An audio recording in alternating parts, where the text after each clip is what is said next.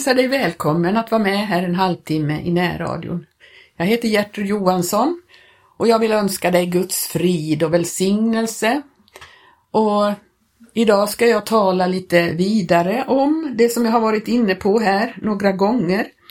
Jag har talat om detta som hände på pingstdagen som vi läser om i Apostlagärningarna 2.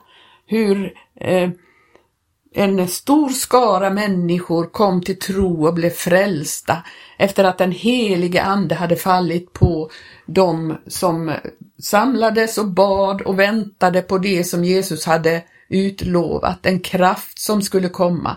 Och när anden föll så står Petrus upp och predikar och då tar en massa människor emot ordet och låter döpa sig och så står det att församlingen ökades på den dagen med vid pass 3000 personer. Och så står det då i vers 42 som jag har eh, läst då de här gångerna. Och dessa höll fast vid apostlarnas undervisning och brödragemenskapen vid brödsbrytelsen och bönerna. Jag har försökt att ta upp lite om apostlarnas undervisning, vad som måste finnas med i en sådan undervisning.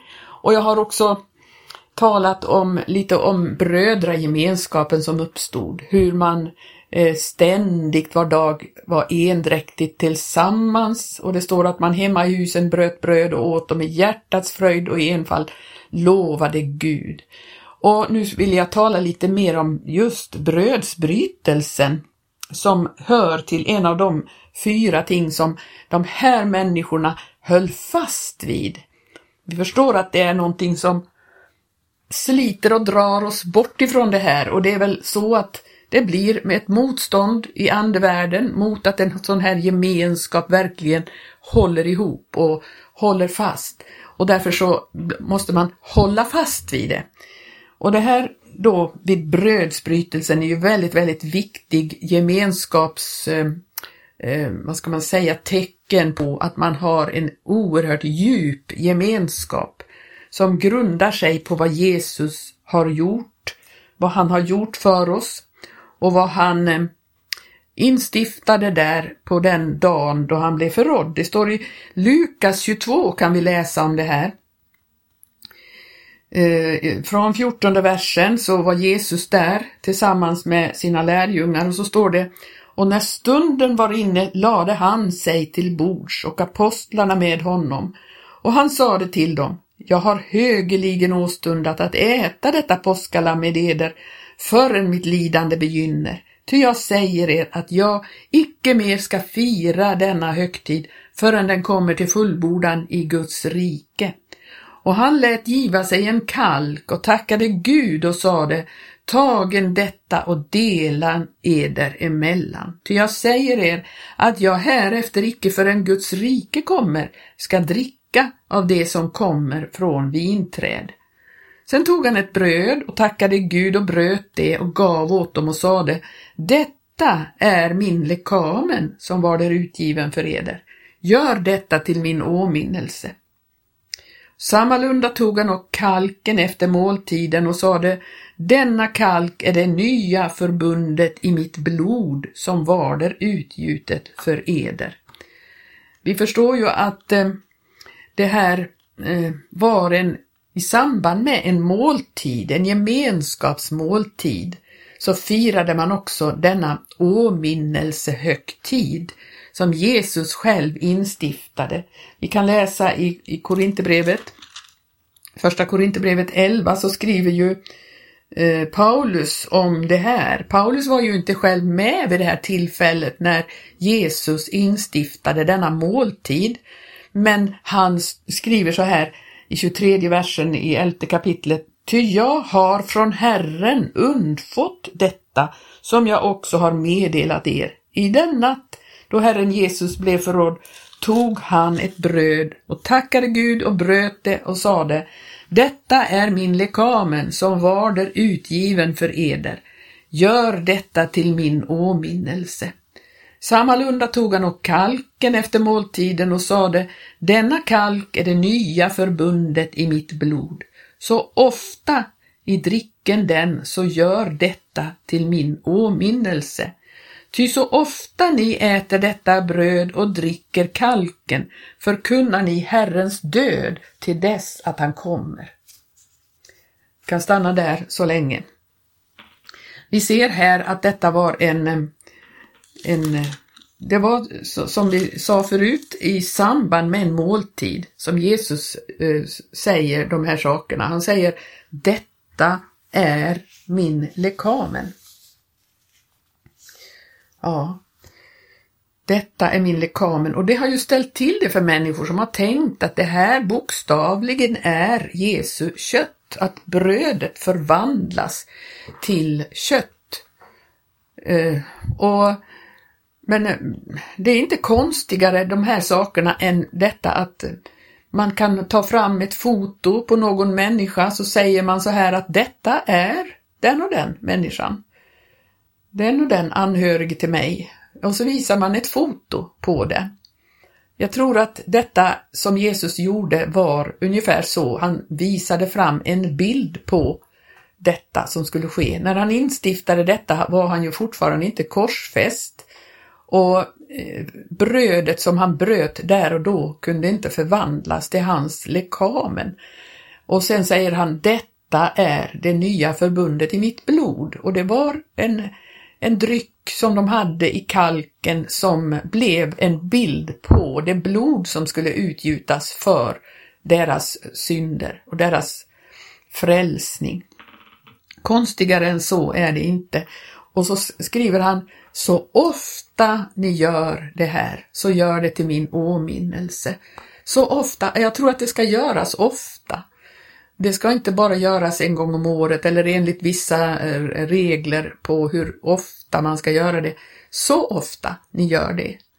Och det kan ske vid gemenskapsmåltider och, och visar på den gemenskap vi har i denna frälsning som Jesus har berett för oss. Vi kan titta i, i eh, första Korinthierbrevet 10 så står det ju så här. Eh, där det där står först om att vi måste undfly avgudadyrkan. Ehm, och, och så säger han så i 16 versen, välsignelsens kalk över vilken vi uttalar välsignelsen är icke den en delaktighet av Kristi blod. Och brödet som vi bryter, är icke det en delaktighet av Kristi kropp? Eftersom det är ett enda bröd så är vi, fastän många, en enda kropp, ty alla får vi vår del av detta ena bröd.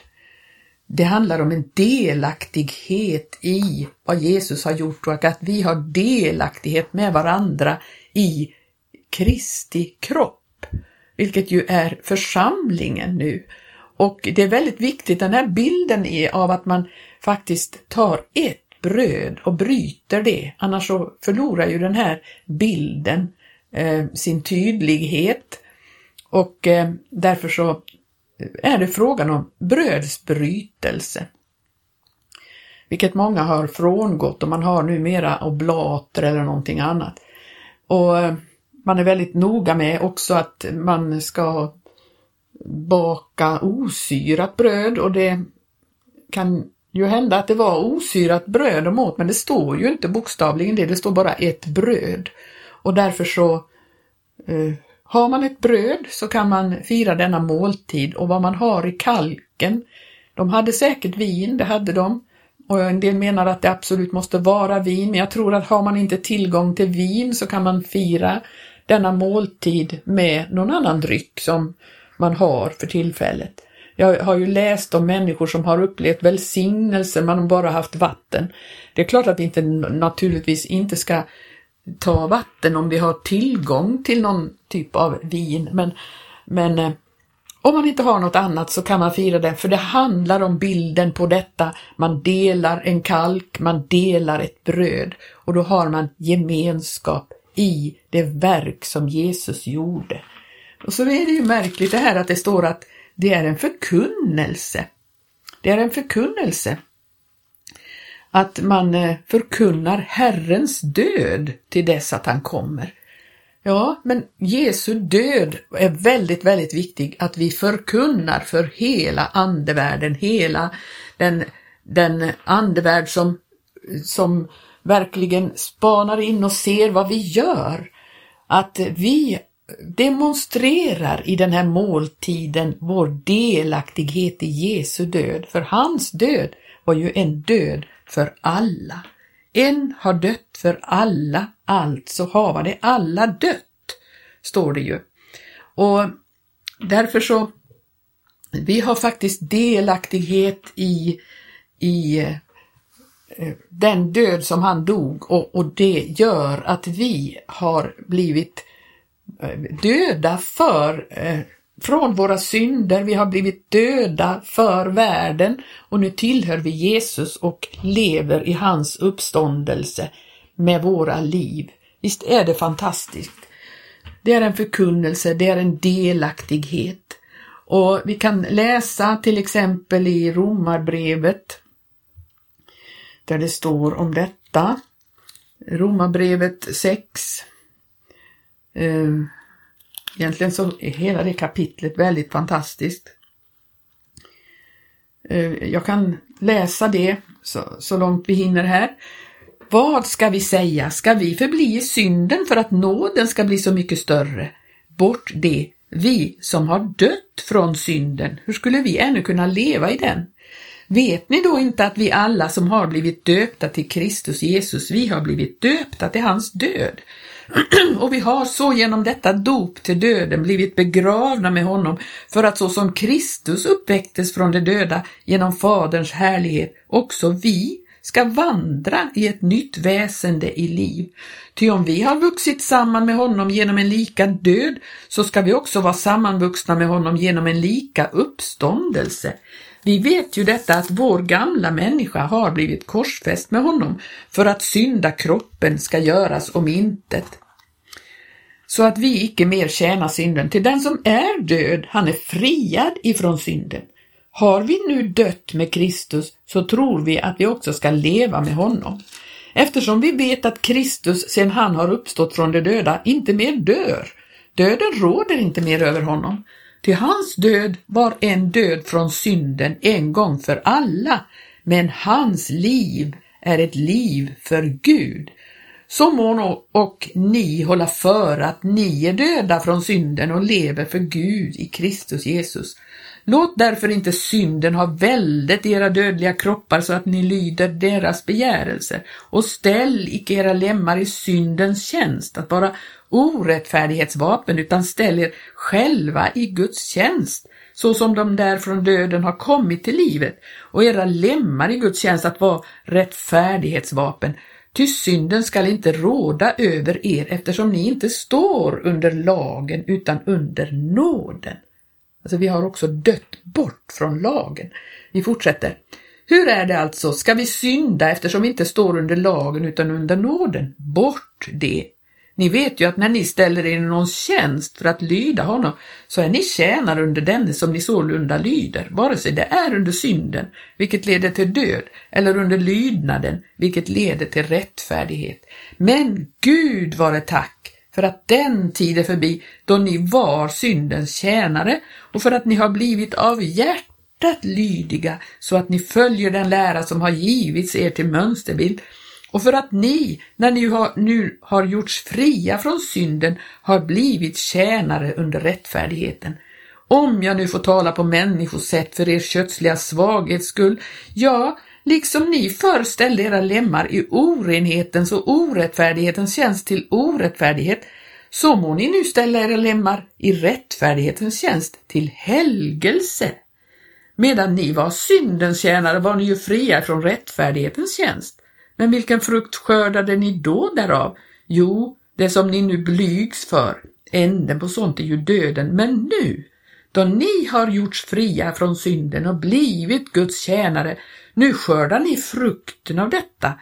Ni blir helgade och änden blir att ni undfår evigt liv. Ty den lön som synden giver är döden, men den gåva som Gud av nåd giver är evigt liv i Kristus Jesus vår Herre, skriver Paulus i Romarbrevet. det är fantastiskt med detta verk, alltså vi har nu dött bort med Jesus från synder. Det är därför vi förkunnar hans död i brödsbrytelsen. Det är en demonstration av att nu är det någonting nytt i våra liv.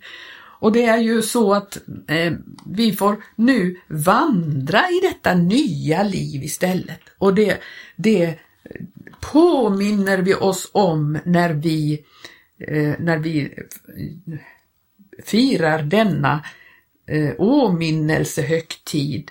Då, då påminner vi oss om detta verk som Jesus har gjort så att vi, eh, vi kan verkligen fortsätta vandra med Jesus istället och att vi inte glömmer bort vilket är stort, stort verk som han faktiskt har gjort.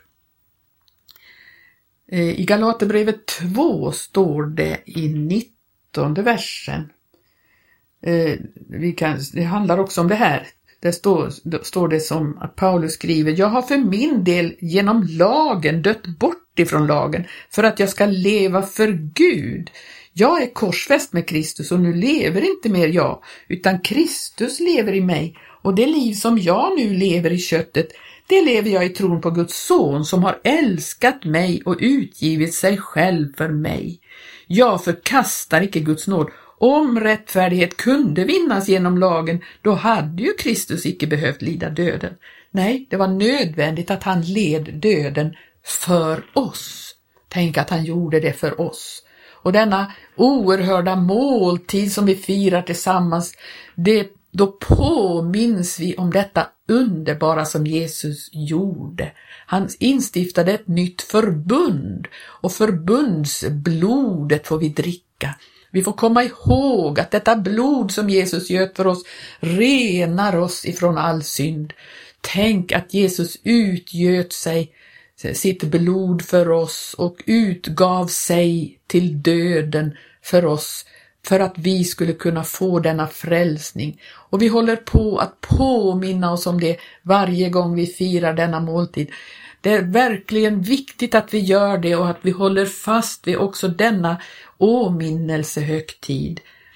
Vi kan titta lite mer i Kolossebrevet 3. Där står det så här eh, om det här.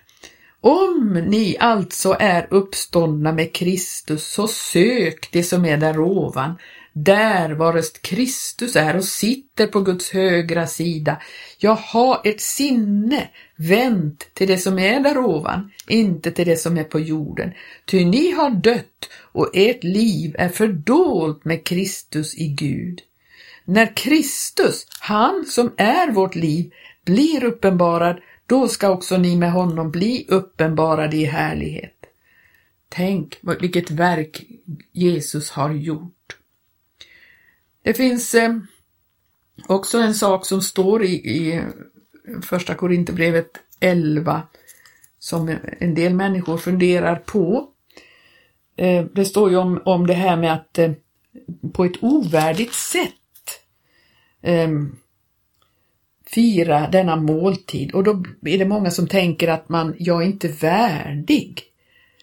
Vi ska titta på det där i första Korinthierbrevet 11 och så står det så här. Den som nu på ett ovärdigt sätt äter detta bröd eller dricker Herrens kalk, han försyndar sig på Herrens lekamen och blod. Pröve då människan sig själv och äter så av brödet och dricka av kalken, ty den som äter och dricker utan att göra åtskillnad mellan Herrens lekamen och annan spis.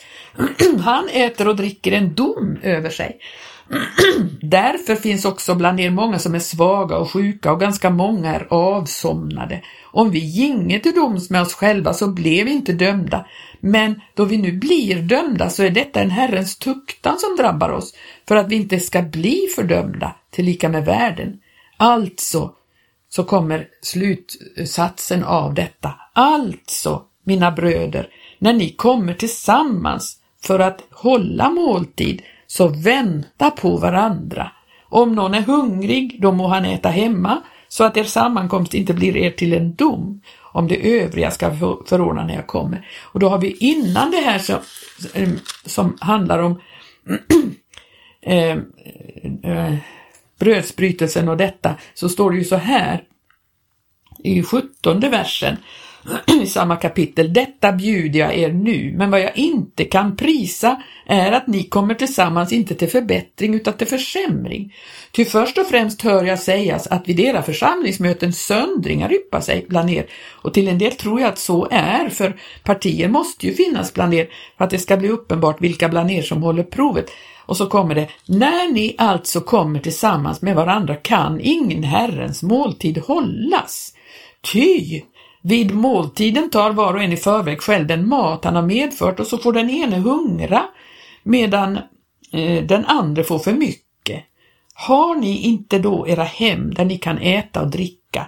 Eller är det så att ni föraktar Guds församling och vill komma dem och blygas som intet har? Vad ska jag då säga till er? Ska jag prisa er? Nej, i detta stycke prisar jag er inte. Här ser vi att det handlar helt enkelt om att man, man låter klasskillnader komma till synligt uttryck när man kommer tillsammans. Vi, vi läste ju om att detta skedde vid en gemenskapsmåltid, en måltid som man firar tillsammans med församlingen och då var det en del som inte väntade på några som kanske inte hade tid att komma så fort och som var fattiga, hade inte någonting att ta med sig. Alltså, tydligen så tog man med sig hemifrån mat för att man skulle fira den här måltiden tillsammans. Men här handlar det om att visa eh, varandra att här finns det inte några klasskillnader, här finns det inte några eh, att några har det sämre och några har det bättre, utan vi delar allt gemensamt med varandra och demonstrerar på det sättet att vi aktar varje människa lika mycket värd som någon annan. Och då menade Paulus så här att är ni hungriga? Så ni måste äta väldigt mycket. Och, och, och sådär, så gör det hemma så att inte ni kommer människor att blygas som inte har så mycket mat, utan det ni tar med er, vänta på varandra. Och när ni då äter så ät tillsammans. Att alla får vara med och äta tillsammans. För att inte det ska eh, kännas genant för några, att de ska känna sig mindre värda eller någonting. Nej, alla människor är lika mycket värda och man måste ha den respekten för varandra att du och jag delar tillsammans det vi har, plus att vi då delar detta ena bröd med varandra och denna kalk som är utgiven för oss. Jesus har dött för alla, både fattiga fattiga och rika, både höga och låga i samhället och i brödsbrytelsen så får det inte finnas några klasskillnader, att man föraktar en del människor, utan vi förstår att Jesus anser alla människor lika mycket värda. Och det här ska demonstreras i denna gemenskapsmåltid. Må Gud välsigna dig och så förstå det här vad det handlar om, att det handlar inte om att man är värdig men att man kan äta, eh, alla känner ju sig ovärdiga men man ska i alla fall inte äta denna måltid på ett ovärdigt sätt. Det är det det handlar om. Vi har alla möjlighet att få del av detta ena bröd. Och i församlingen ska en en sån gemenskap demonstreras och visas så att inför andevärlden så ser, ser alla makter att detta har eh, blivit, kommit till stånd, den gemenskap och att alla är ett i Kristus och alla har ett och samma huvud, alla har ett och samma eh, eh, delaktighet i denna samma kropp. Må Gud välsigna dig. Jag hoppas mitt lilla bibelstudium här har kunnat ge dig någon insikt i vad detta handlar om. Och så, så återser vi, eller hörs om en vecka. Då ska jag tala om bönerna. Gud välsigne dig.